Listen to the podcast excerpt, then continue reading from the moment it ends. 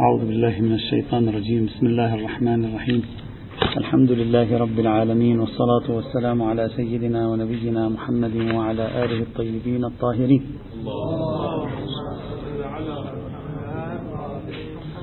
كان الكلام في الدليل الأول من الدليلين العمدة اللذين يذكران عادة لقاعدة العدل والإنصاف. العدل والإنصاف بالمعنى الذي نحن فيه هنا لا العدل والإنصاف في باب القضاء. الدليل الأول كان التمسك بمجمل الأدلة القرآنية والحديثية التي تدل على الأمر بالعدل النهي عن الظلم الأمر بالقسط النهي عن العدوان وهي روايات وآيات كثيرة موجودة في الكتاب والسنة تكرس هذه القاعدة في سياق المناقشة والتعليق على هذه على هذا الاستدلال قلنا توجد عدة مناقشات. المناقشة الأولى قالوا بأن الآيات تأمر بالعدل الواقعي. الآيات تأمر بالعدل الواقعي. ولا شأن لها بالعرف والعقلاء و من هو الذي معرفته حجة معرفته للعدل الواقعي حجة ومن ليست معرفته حجة وكل هذه التفاصيل لا علاقة لنا بها. وبالتالي كيف نريد العبور من أمر تكويني وهو العدل الواقعي؟ نحو مرجعية الفهم العقلائي كما يدعي أنصار قاعدة العدالة في هذا المجال. قلنا هذه الإشكالية يمكن الجواب عنها بجوابين. الجواب الأول ما ذكره نفس الشيخ الصانعي من أنه لو كان الفهم العرفي والعقلاء للعدل ومعرفتهم بمصادق العدل لو لم يكن هذا حجة ومعتبرا لصارت هذه الآيات طلسمية لصارت هذه الآيات طلاسم أصلا غير مفهومة وهذا خلاف حجية ظهورات القرآن. ثم الله يقول للناس أنا عادل وهم لا يعرفون العدالة. ما معنى أن يخبرهم بأنه عادل؟ وهم لا يقدرون على فهم العدالة. قلنا هذا الإشكال بهذه الطريقة التي طرحها الشيخ الصانعي في غير محله. لأن الشيء الذي تفرضه علينا قاعدة البيانية القرآنية أو قاعدة حجية ظهورات القرآن هو فهم معاني الكلمات. ومعاني الكلمات كلنا متفقون على أنها مفهوم العدل مفهوم الظلم مفهوم القسط مفهوم. لم يقل أحد بأن هذه الكلمات طلسمية. سواء القائلون بقاعدة العدالة أم المخالفون لقاعدة العدالة. كلهم قالوا واضحة. وما عندنا إشكال فيها. فعندما نقول الله عادل يعني الله سبحانه وتعالى يعطي كل إنسان ما يستحق. هلا أما مصداق ذلك هنا محل التنازع. ليس تنازعنا في فهم الألفاظ في فهم الدلالات في فهم المعاني الذي هو مورد قاعدة بيانية القرآن مورد قاعدة حجية ظهورات القرآن. وهذه كلنا متفقون عليها.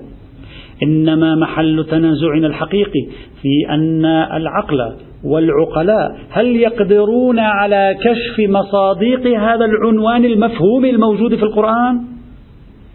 وهل أن نفس هذه الآيات تعطي فهمهم الحجية أو لا؟ هذا محل تنازعنا.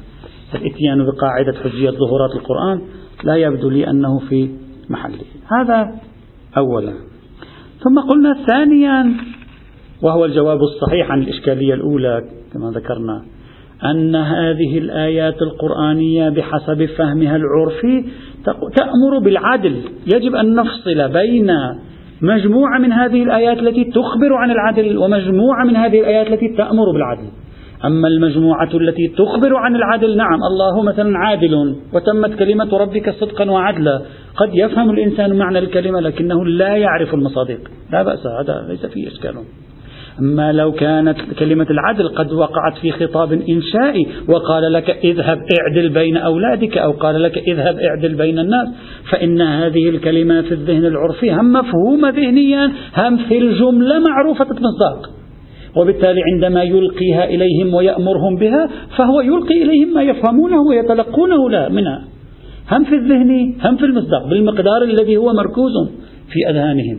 فلا معنى لأن نقول هو يأمرهم بالعدل يعني يأمرهم بكلية العدل الذهنية. أما في المصادق الخارجية فهو يقول لهم انتظروا حتى آتي بالأحكام الشرعية. لا بد أن يكون هناك في الجملة بعض المصادق الخارجية التي هي داخلة في فهمهم للعدل وعندما أطلقت الآية أمرها دخلت هذه المصادق في مثل الأمر بالإحسان مثل سائر الأوامر الأخرى ما لم يرد نهي من الشارع. هذا أيضا قلنا لا أريد أن نعيد. إذا الإشكال الأول أن هذه الآيات القرآنية تأمر بالعدل الواقعي ولا علاقة لها بفهم العرف والعقلاء والعقل للعدل في لوح الواقع الخارجي ليس دقيقا بل هي تأمر بالعدل الواقعي وفي الجملة وبالفهم العرفي تشير لي إلى ذلك الشيء الذي أنت تفهمه على أنه عدل مصداقا. هذا الأمر العقلاء العام الذي يعرف. الإشكال الثاني وهو الإشكال المهم. سأضعه الإشكال الذي سنطرحه الآن. سأضعه على شكل عنوان قاعدة العدل بين المنصوص وما لا نص فيه. هنا المعركة. في الإشكالية الأولى توصلنا إلى نتيجة أنه لو أطلقت النصوص القرآنية كلمة اعدلوا فيما بينكم اعدلوا بين الناس اعدلوا بين أولادكم اعدلوا بين إخوتكم. العرف ماذا يفهم؟ يفهم كلمة العدل كمفهوم. ويفهم بعض تحريكات مصادقها ويعرف كيف يسيلها على أرض الواقع هذا كان ادعاؤنا سابقا يعني حتى حتى يصبح الأمر وجداني عندكم، تصوروا أنكم لم تسمعوا في في النصوص الشرعية إلا هذه الأوامر العدل. هل تتوقعون أنها أوامر لا واقعية لها؟ ستفهموها وتطبقوها بشكل عفوي على بعض الموارد في الجملة. إلا أن الكلام ليس هذا هو مورد تنازعنا. يعني مورد تنازع القائلين بقاعدة العدالة مع خصومهم ليس في دائرة ما لا نص فيه. مورد التنازع في دائرة ما فيه نص. يعني ما لو أنا كإنسان عرفي أو عقلائي شخصت أن X من الموارد ظلم. وجاء حديث صحيح السند معتبر قال يجب عليك أن تفعل X هنا مركز التحدي والنزاع. أما فيما لا نص فيه جميع الفقهاء يفهمون معنى كلمة العدل ويقول لك طبقها في الخارج. عندما يقولون على الحاكم أن يعدل يفهمونها ويأمرون الحاكم بها ويخاطبون الحاكم بها ويعرف الحاكم مصادقها العقلائية. الكلام كل الكلام في الموارد التي اعتبر العرف والعقلاء أنها ظلم وفي الوقت عينه دل دليل من الشرع على الأمر بها. أو في الموارد التي اعتبر العرف والعقلاء على أنها عدل حقيقي وجاءت الروايات الصحيحة السنة تنهى عنها. هنا في هذه الحال ما هي القضية؟ هل هنا يجب علينا أن نشكل هل أن هذه المجموعات الأربع من الآيات القرآنية مؤيدة بالنصوص الحديثية. هل هذه المجموعات الأربع تدل على ترجيح الفهم العرفي والعقلاء على النص الحديثي؟ أو على إطلاق آية؟ أو لا. هو هذا مركز تنازعنا. وهنا يجب علينا أن نبحث في القضية. لا في أصل أن الآيات تأمر بالعدل والعرف يتلقى كلمة العدل ويفهم معناها ويستطيع أن يطبقها إن لم يأتي تطبيق من الشارع في حقها. إذا وبعبارة أخرى قاعدة العدالة تنبسط إلى دائرتين كبيرتين. الدائرة الأولى دائرة ما لا نص فيه ونحن نوافق على إجراء قاعدة العدالة فيما لا نص فيه. غاية الأمر أننا في بحث شمولية الشريعة قلنا بأن تسييل العدالة فيما لا نص فيه لا يلحق بالشرع. يلحق الأمر به بالشرع لا يلحق تعيينه بالشرع. بحثناه مفصلا. الدائرة الثانية هي دائرة ما فيه نص. وهي مركز تنازعنا. هل ما تدعونه من تقديم قاعدة العدالة على النصوص الأخرى صحيح؟ نقول لا ليس بصحيح. الآن أصل الإشكالية هكذا. لا ليس بصحيح. لا يظهر من هذه الآيات أنها بصدد الترجيح فهم العرف والعقلاء للعدل والظلم على ما جاءت جاءكم من النصوص الحديثية في أمر معين بالإطلاق أو بالعموم أو بالنص أو بالصراحة أو غيره. هذه حاصل هذه الملاحظة في هذا المجال. الجواب عن هذه الملاحظة قد يخطر في الذهن أكثر من محاولة يعني محاولة اختراق من عدة جهات سنرى إذا تنفع أو لا. أكثر من محاولة للجواب عن هذه الملاحظة.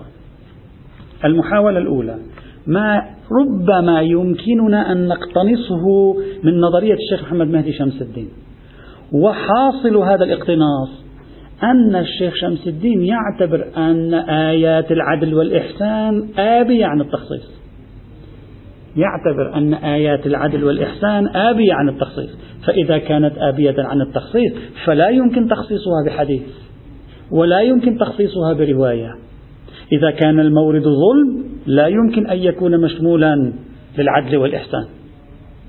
إذا كان المورد عبارة عن عدل لا يمكن أن يكون مشمولا للنهي عن الظلم.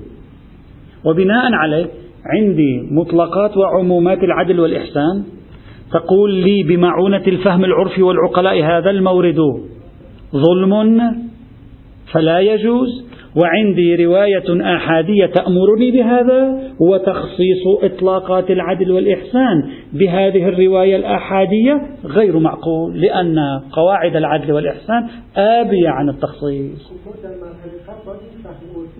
الآن نحن نحاول أن نحلل.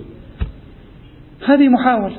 قد شخص يلتمسها وعملا الشيخ شمس الدين هكذا فعل. عملا الشيخ شمس الدين كان يذهب يرى يقول هذا ظلم هذا ظلم كيف؟ هذا ظلم يفهمه العقلاء على أنه ظلم. ما كان يجيب برهان يعني. يقول لك أنا هكذا أفهم أن هذا ظلم وبالتالي علينا أن نطرح الحديث لأن الأخذ بالحديث يلزم منه تخصيص المطلق والعام القرآني والمفروض أنه آب عن التخصيص. هذه المحاولة غير دقيقة أبدا. لماذا؟ لأن تخصيص قاعدة العدل يكون بالترخيص بأمر ظالم. هذا صحيح. متى نخصص قاعدة العدل؟ عندما يأتي, أم يأتي الشرع بأمر ظالم. نحن لا نقول بأن الشرع أتى بأمر ظالم حسب الفرض. المعركة كل المعركة في أن هذا الذي أتى به الشرع في الخبر الصحيح الآحادي هل هو ظلم أو لا؟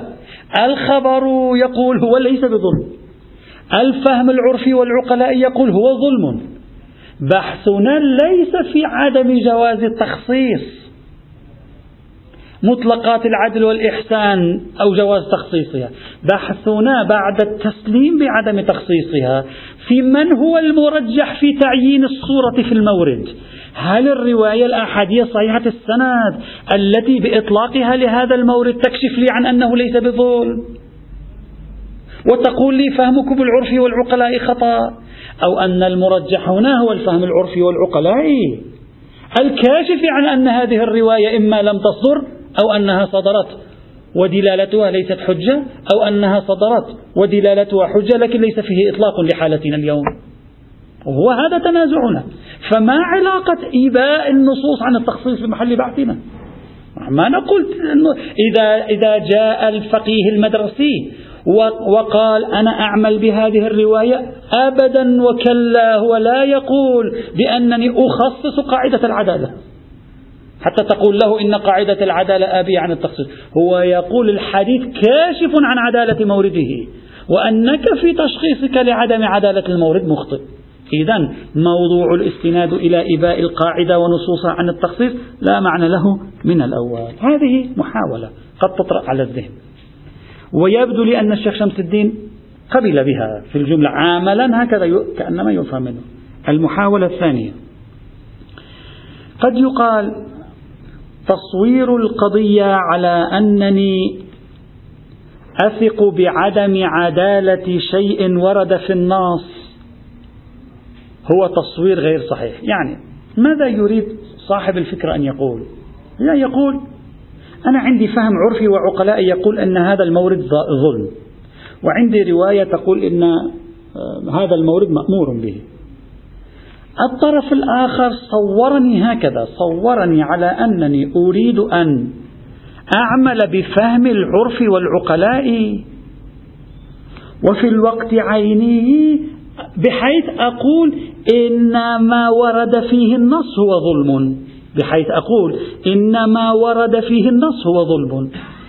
أنا لا أقصد ذلك لا أقول ما ورد فيه النص ظلم لأنه لا يعقل أن أقول ورد فيه النص وهو عبارة عن ظلم هذا غير معقول. أنا أقول بسبب أنني عرفا وعقلائيا أفهم الظلم هنا أشكك في أصل ورود النص. يعني أنا في الحقيقة لا أوقع المعارضة بين دلالة نص ثابت وبين فهم العرف والعقلاء. أنا في الحقيقة بفهم العرف والعقلاء أشكك في وجود النص. أو أشكك في دلالته أو أشكك في إطلاقه بعد فرض التسليم بأصل دلالته. فليس في البين صورة أنني أقدم الفهم العرفي والعقلاء على النصوص. يعني لأن هكذا قد تصور. أنا لا أقدم الفهم العرفي والعقلاء على النصوص أبدا. حتى لا أتورط في إشكالية الاجتهاد في مقابل النص. وهذا كلام الشيخ صانعي. هذا هذه المحاولة مستقاة من روح كلامه. يقول أنا كل ما أقوم به أنني بفهم مصداق الآيات القرآنية الذي هو العدل والإحسان العرفي والعقلاء حينئذ أشك في صدور النص لا أنني أؤمن بصدوره ودلالته وإطلاقه وأريد أن أرجح الفهم العرفي عليه بعد حجيته. فالتعارض هنا ليس بين حجتين. التعارض بين الحجة واللا حجة. وبعبارة ثالثة كأنما الفهم العرفي والعقلاء وارد على أصل حجية هذا النص صدورا أو سندا أو دلالة أو إطلاقا. وهذا هو المدعى. روح هذا الادعاء من الشيخ الصانعي معناه أن النصوص القرآنية بالمجموعات الأربعة كأنما الآن لاحظوا جيدا هل الفكرة التي سأشرحها ستميز بدقة بين التصور السائد وتصورنا وبين تصور الشيخ الصانعي الشيخ الصانعي كأنما يقول إن الله يأمر بالعدل والإحسان. ما هو العدل شيخنا؟ العدل في هذه الآية هو العدل العرفي والعقلائي المأمور به ما هو؟ العدل العرفي والعقلائي المأمور به المأمور به. فإذا جاء العدل العرفي والعقلائي فأنا مأمور به. فإذا جاءت الرواية كانت معارضة للقرآن. هذا فهم الشيخ الصانع. فهمنا الآن بالعكس يعني فهم المشهور ولا أدري إذا هم يصوغونه هكذا لكن نقول فهمنا. الآية لم تأمر بالعدل العرفي والعقلائي الآية أمرت بالعدل الواقعي. غاية الأمر أن الآية في الجملة في الجملة قبلت بتشخيص العرف والعقلاء للعدل. قبلت بتشخيصهم للعدل. فإذا جاءت رواية تقول هذا المورد ليس بعدل. والمفروض أن العرف والعقلاء يفهمون هذا المورد على أنه عدل. ما معنى عدل؟ يعني عدل واقعي. يعني الرواية تقول هذا عدل واقعي والفهم العرفي والعقلاء يقول هذا عدل واقعي. وتعارضا لا يظهر في الآيات التي مرت معنا ما يشير إلى تقديم فهم العرف والعقلاء للعدل الواقعي وتشخيصهم للعدل الواقعي على تشخيص الرواية.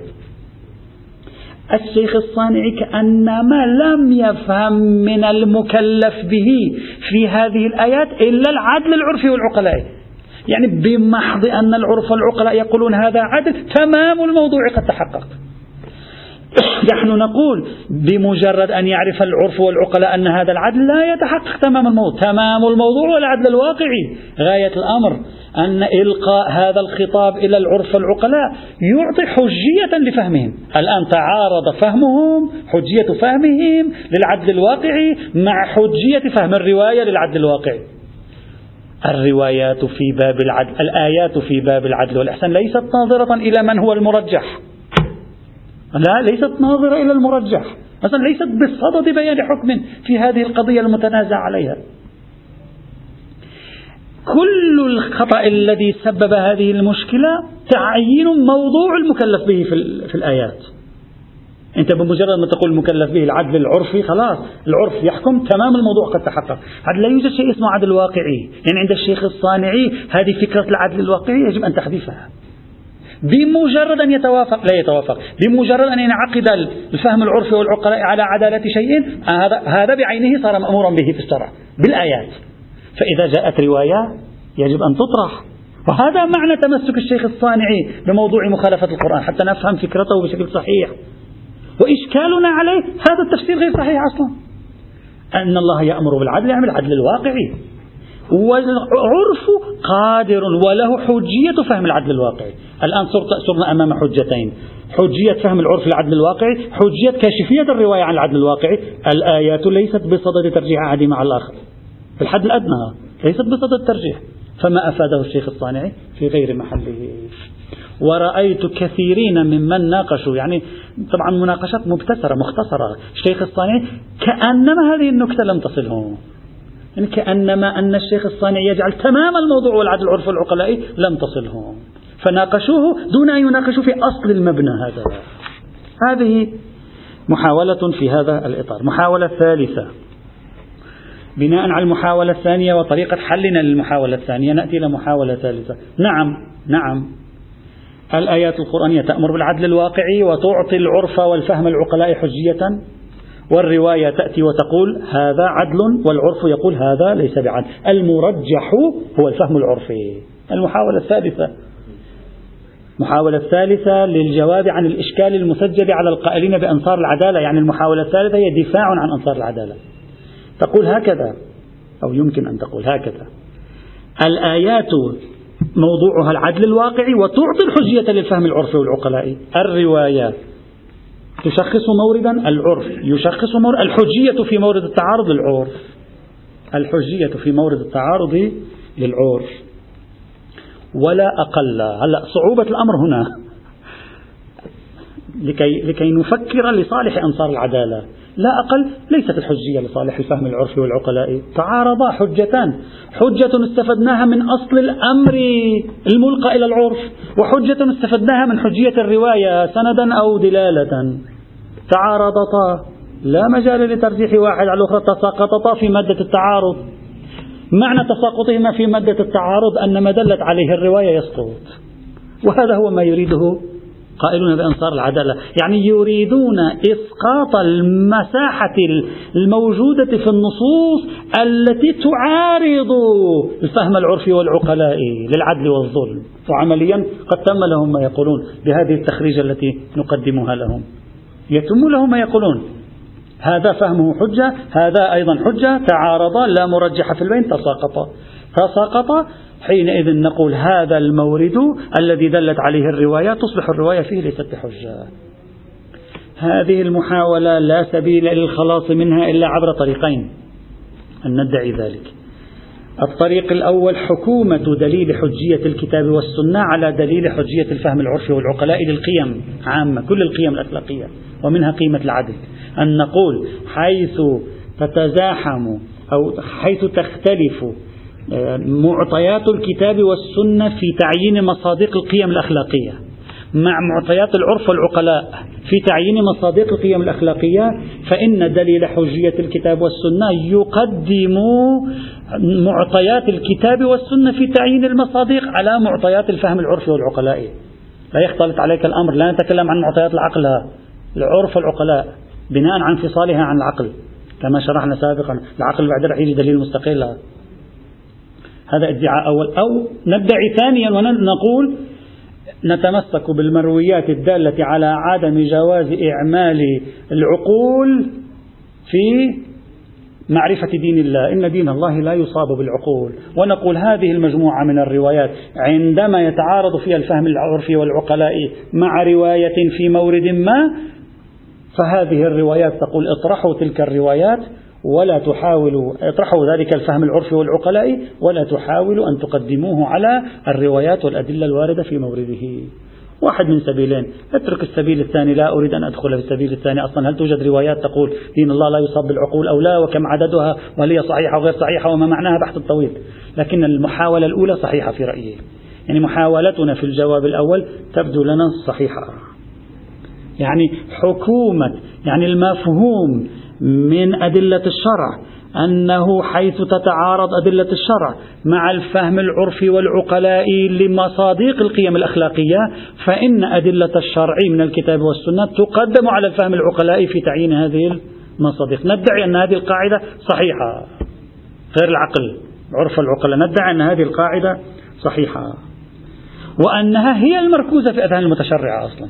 ولذلك المتشرعة وفي زمن النبي وما بعد زمن النبي كانوا يستنكرون أمرا ويرون أنه غير مناسب ولما كان يقال لهم إن هذا من عند الله كانوا يخضعون. والنصوص القرآنية ذكرت مرارا وتكرارا في عدة موارد بأن هذا ربما تكرهونه ولكنه صحيح. وإن كان هذه لا دلالة لها كلمة تكرهونه. لكن على أي حال تعطي فضاء في هذا الإطار. فإذا نقول لعل مجموعة هذه النصوص حينئذ تستطيع أن تثبت لنا تقدم الإشارات النصية على الفهم العرفي والعقلاء في هذا الإطار لماذا؟ لأنه يا أخي العزيز غايته غايته أن هذه الروايات الموردية رادعة عن ما يفهمه العقلاء والعرف ولا شك ولا ريب في قدرة النصوص على الردع عما يبني عليه العرف والعقلاء لا العقل عرف العقلاء. وعلى هذا بنى الجميع. وإلا فما معنى الردع عن السير العقلائية؟ وما معنى الردع عن أعراف فاسدة؟ ما معنى الردع إن لم تعطي الشريعة قدرة الردع عما يتوصل إليه العرف حتى في قضايا تطبيقات القيم الأخلاقية.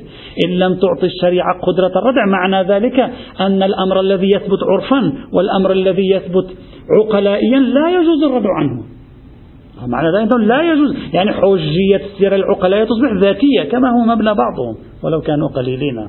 تصبح ذاتية وذاتيتها لا معنى لها إلا إذا أرجعتها إلى حكم العقل والمفروض أننا نتكلم على أساس انفصال السيرة العقلائية الآن عن حكم العقل لا بإرجاع قانون العقلاء إلى قانون العقل. هذا سيأتي بعد ذلك. إذا بمجرد أن يأتي قانون اسمه حجية الفهم العرفي والعقلاء في تشخيص مصادق القيم الأخلاقية كقيمة العدالة.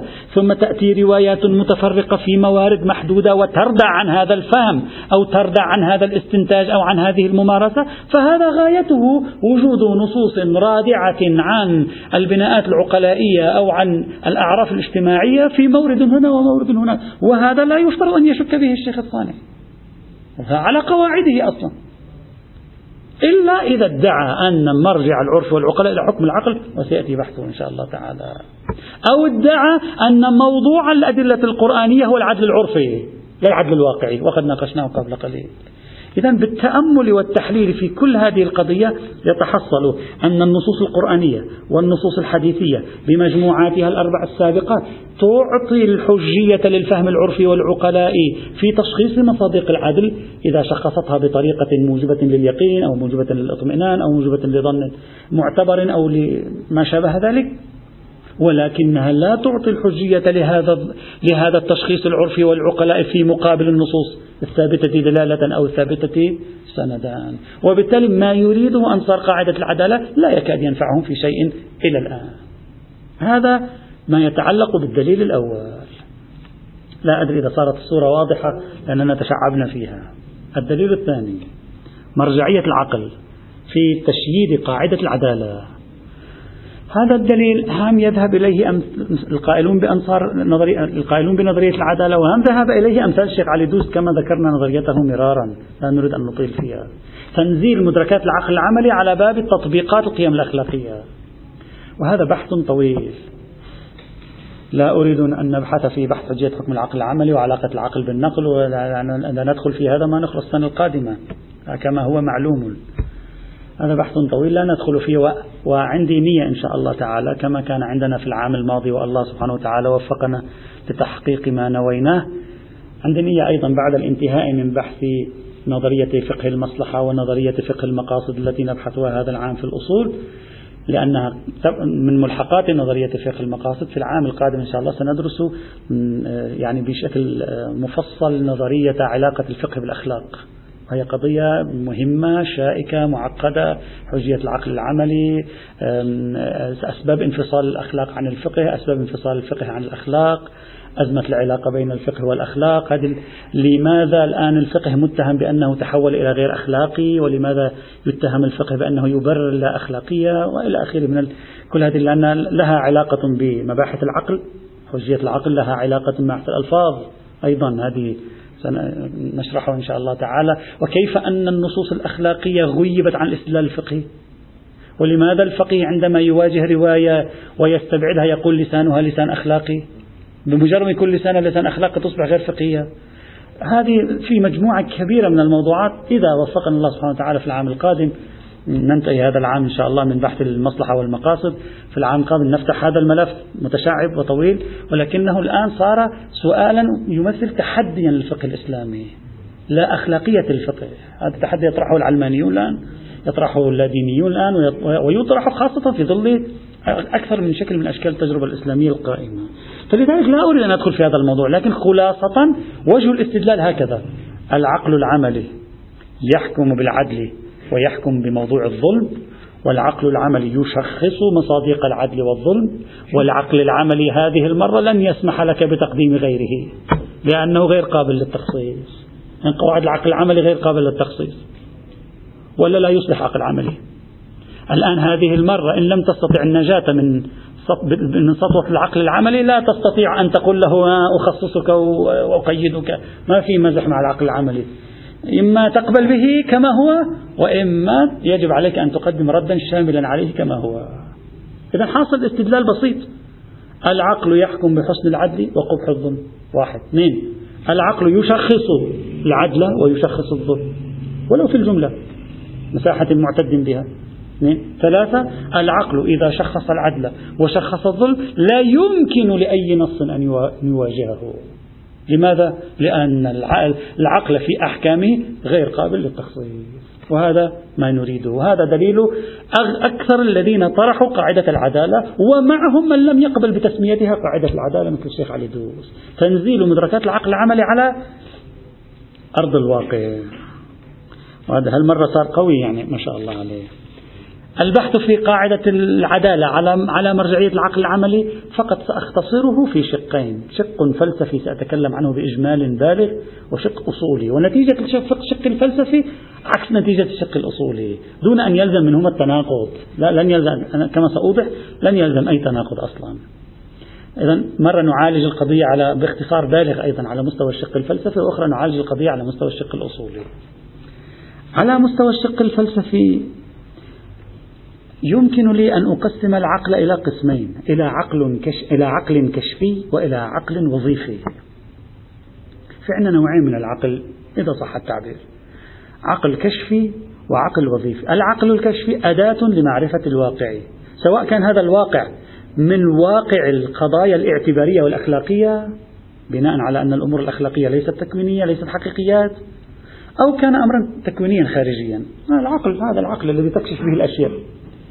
ومنه العقل الذي تكشف به أن هذا الفعل عدل أو هذا الفعل ظلم. ومنه العقل الذي تكشف به أن هذا الفعل عبارة عن آه، حسن أو قبيح. هذا عقل كشفي. النوع الثاني من العقل طبعا العقل الكشفي قيمته أين؟ في كشفه. اسلب منه خاصية الكشف. يصبح بلا قيمة صحيح؟ لأن قوته وأهميته في قدرته على الإراءة والكشف. إذا كشف لنا الواقع فيكون ذا قيمة. إذا قال أنا عاجز عن كشف الواقع يصبح بلا قيمة. لا, لا أهمية له. هناك نوع ثاني من العقل العقل الوظيفي. ماذا أقصد من كلمة العقل الوظيفي؟ العقل الوظيفي يعني هذا العقل يوصل إلى الواقع أو ما يوصل للواقع يكشف أو لا يكشف. يستطيع أن يعرفك الشيء بما هو أو لا يستطيع أن يعرفك الشيء بما كيف؟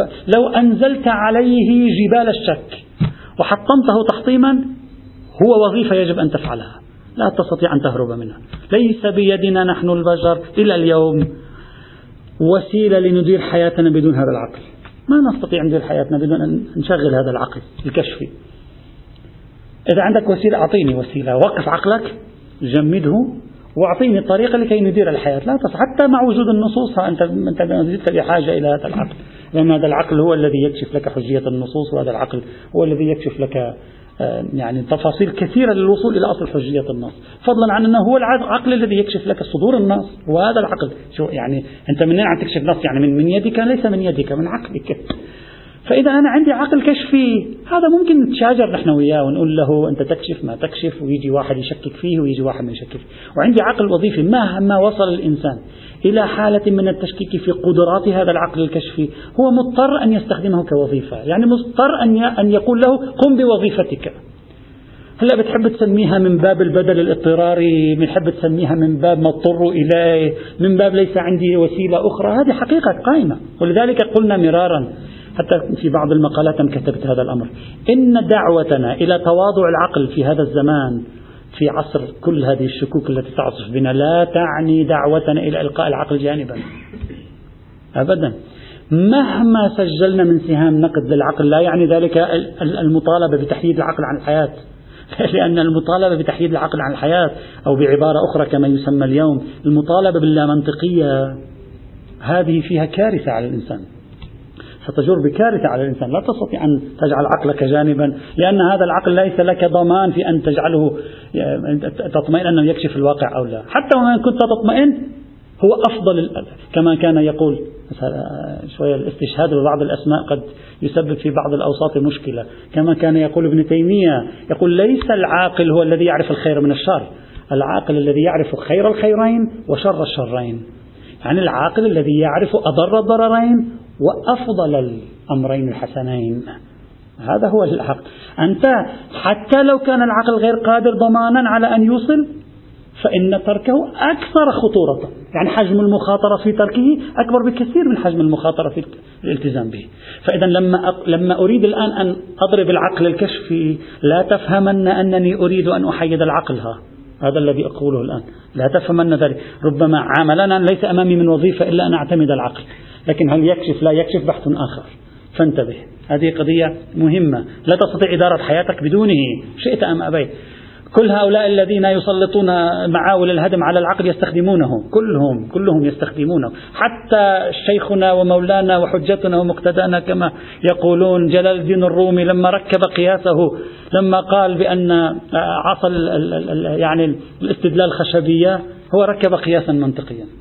وكل عصا خشبية لا تستطيع وكل رجل خشبية لا تستطيع أن تمشي بها. لابد من قياس حتى يستطيع النتيجة أن تأخذها على أي حال. فإذا العقل محفوظ حقه. الآن السؤال في العقل الكشفي في دائرة الأخلاق. لا شك ولا ريب في أن الكليات الأخلاقية يدركها العقل وهذا لا, لا نناقش فيه لا, لا أحد يناقش فيه حتى الآن. الكلام كل الكلام. مديات قدرة العقل موضوعيا ها لا على مستوى الحجية والاعتبار ها فلسفيا نتكلم لا حجية. لذلك قلت في شق فلسفي وفي شق أصولي. موضوعيا مديات قدرته على أن يقول لي أنا أجزم بأن هذا المصداق عادل؟ ولا شك في بعض الموارد يحصل لكن هل هذا على شكل قانون أو لا؟ ندعي بأن القائل من أمثال الشيخ صانع وغيره بأنني يحصل لي قطع عقلي بالمعنى العقلي لا العقلاء والعرفي يحصل لي قطع عقلي بأن هذا الإكس من المصادق هو ظلم هذا ندعي بأنه قطع غير موضوعي. لماذا ندعي أنه قطع غير موضوعي؟ لأن العقل ليس بيده المقدرات التي يستطيع أن يكشف فيها أن هذا الفعل بشخصه يمكن أن يكون ظلما أو عدلا لا أقل في كثير من الموارد. لماذا؟ ليس لأن العقل عاجز بل لأن طبيعة الحياة بتعقيداتها لا تسمح له بأن يكتشف. ماذا أريد أن أقول؟ العالم الذي نحياه ليس لوحة واضحة وليس متناسقا بالشكل الذي نحن نفهمه لكلمة تناسق. متزاحم دائما في طور التزاحم كالأمواج التي تتلاطم فيما بينها. عالم الحياة هكذا. عالم المادة هكذا متزاحم متلاطم. من جهة معينة يبدو لك وجه الشيء حسن. لكن المأساة عين أن الأشياء ليس لها جهة واحدة. الأشياء لها أوجه كثيرة. لماذا ليس لها أوجه كثيرة؟ لأن الأشياء ليست منفصلة عن بعضها في هذا العالم. متداخلة متواجدة مع بعضها في هذا العالم. طيب إذا كانت متداخلة متواجدة ما معنى إذا تداخلت وتواجدت ممكن أن تملك عشرة أوجه. وهذا ما يصعب على العقل أن يحكم في مثل هذه القضايا. يعني أن يبت في مثل هذه القضايا التي لها أوجه متعددة. بخلاف الكبريات الفلسفية أسهل عليه. لأن لها أوجه محددة. بينما لما ندخل في التفاصيل هذه تفاصيل القضايا الأخلاقية تطبيقا لها أوجه مثلا سأعطي مثالا. وهذا يطرحونه خصوم الفيمينيزم الخصوم الحركة النسوية يطرحونه. مثلا أنت تقول من الظلم أن لا أسمح للمرأة أن تعمل بعض الأعمال. هذا حقها هذه إنسانة مثل مثلك لماذا يكون ظلم ما في مشكلة. أنت تقول ذلك هذا ظلم واضح نعم كلمة واضح لازم نضيفها. لكن خصوم الحركة النسوية ماذا يقولون؟ يقولون إذا سمحنا للمرأة أن تقوم هي بالعمل بالأعمال الشاقة أي الأعمال التي يسمونها بالأعمال الذكورية. إذا سمحنا لها ذلك فقد أثبت العلم برأيهم لا أدري أثبت أو لا. هذه قضايا تحتاج إلى مراجعة. فقد أثبت العلم أن الهرمونات الأنثوية تتأثر بسلوك المرأة. فعندما تقول لها افعلي أفعالا ذكورية فإن ذلك يؤثر على هرموناتها الأنثوية. وإذا أثر ذلك على هرموناتها الأنثوية لم تستطع أن تعطي أطفالها. طبعا لا نتكلم عن جيل نتكلم عن أجيال. لم تستطع أن تعطي أطفالها ما يحتاجون من الهرمونات التي تأتيهم من جانب الطرف الأنثوي. وبالتالي جيلا بعد جيل يمكن أن يولد, أن يولد أطفال وأجيال من البشر مختلفين وغير صحيين حينئذ. كيف لك أن تستنتج هذه النتيجة قبل مئة سنة؟ بس مئة سنة. كيف لي أن أستنتج الحسن والقبح بمجرد أن أنظر إلى الشكل الواحد للظاهرة؟ لا أريد أن أقول إن ما قاله الإسلام بالضرورة عدل. الآن من خارج الإسلام أتكلم. هم أيضا لا أدري. إلا إذا كنت مسلما. عندما أدخل في الإسلام أسلم. لكن من الخارج حتى هذا الخيار أيضا لا تستطيع أن تبرهنه. أخذ. تستطيع أقصى ما تستطيع ترجح. لا تستطيع أن تبرهن. إذا العقل الكشفي غير قادر على الجزم في هذه القضايا. هذه النقطة تكلمنا عنها مرارا وتكرارا قضايا أكثر مما نتصور معقدة أكثر مما نتصور متشابكة. تستطيع أن تقول هذا ما بلغه عقلي هذا الشيء الذي يبدو لي يتراءى لي. أما هل هو تمام أوجه الشيء صعب. لا يفهم. آه، أنا أعطيت هذا المثال إذا ما ندعيه أن الذي يدعي أن العقل الكشفي في مصادق القضايا الأخلاقية يمكنه الجزم موضوعيا جزما عقليا لا عرفيا ولا عقلائيا. نتكلم عقليا الآن. أنه يستطيع أن يضرب بيد من حديد ويقول هذا المورد ظلم هذا المورد عدل ويكون له فسحة من أمره كما يصوره لنا أنصار قاعدة العدالة, العدالة والإنصاف. هذا غير واضح فلسفيا بالنسبة إلينا. هذا هم عليهم أن يبرهنوه والتجارب لا تكاد آه، تستطيع أن تسعفهم في ذلك. أما الشق الأصولي آه إجا شخص قال لك طيب يا مولانا أنا الآن لأي سبب من الأسباب أنا حصل لي قطع موضوعي أنا أراه قطعا موضوعيا. قطعت بأن هذا ظلم لم أقطع. ظننت بأن هذا ظلم وجاءت رواية على عكسه. أي نعم. هنا الحق مع قائلين بقاعدة العدالة.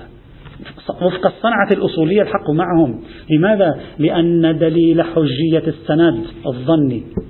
ودليل حجية الدلالة الظنية. ودليل حجية الإطلاق الذي هو ظني موقوف على المشهور أن يكون في مورده ظن يعني لازم يكون الصدور مظنونا لازم يكون الدلالة مظنونة لازم يكون الإطلاق مظنونا. إذا شخص ادعى وقال لي أنا يا أخي لأي سبب من الأسباب أرى هكذا أنا هكذا أختلف معك أختلف معك أرى هذا الظلم. ولما يراه ظلما يقينا أو يراه ظلما ظنا سوف يكون السند الحديث عنده قد نزل من رتبة الظن إلى رتبة ما تحت الشك. لماذا؟ لا يعقل أن يظن بصدور الحديث وفي الوقت العينه يظن بظلم الحكم الذي يعطيه الحديث. ولو ظن بصدور الحديث لا يعقل أن يظن بدلالة الحديث وأنها مرادة جدا. وفي الوقت عينه يظن بالظلم الوارد في مضمون الحديث. وإذا ظن الدلالة جدا نذهب إلى الإطلاق. إذا أصوليا حق مع القائدين بقاعدة العدالة. إذا شخص حصل له يقين بالظلم إذا شخص حصل له ظن معتد به بالظلم قواعد الصنعة في باب حجية الظن الصدوري وحجية الظن الدلالي على أنواعه. قواعد الصنعة تقول نعم ينبغي أن يرجح حينئذ جانب ظنك على جانب حجية الصدور وحجية السند. إنما الكلام كل الكلام في المبنى الفلسفي لهذه القضية. هل المبنى الفلسفي أصلا صحيح؟ يعني هل من المنطق أن أقول أنا عندي قطع موضوعي أو عندي ظن موضوعي أو لا نحن نقول صعب إلا في موارد محددة قد لا, لا نريد أن نمانع أما جعلها قاعدة فهذا أمره صعب. فإذا في الدليل الثاني اللي هو تشييد قاعدة العدالة على معيار العقل العملي فلسفيا الأمر خاضع لمناقشة. أصوليا لو تم عند لو تمت الصغرى الحق مع القائلين بقاعدة العدالة يأتي التكليل إن شاء الله. والحمد لله رب العالمين. عليكم السلام.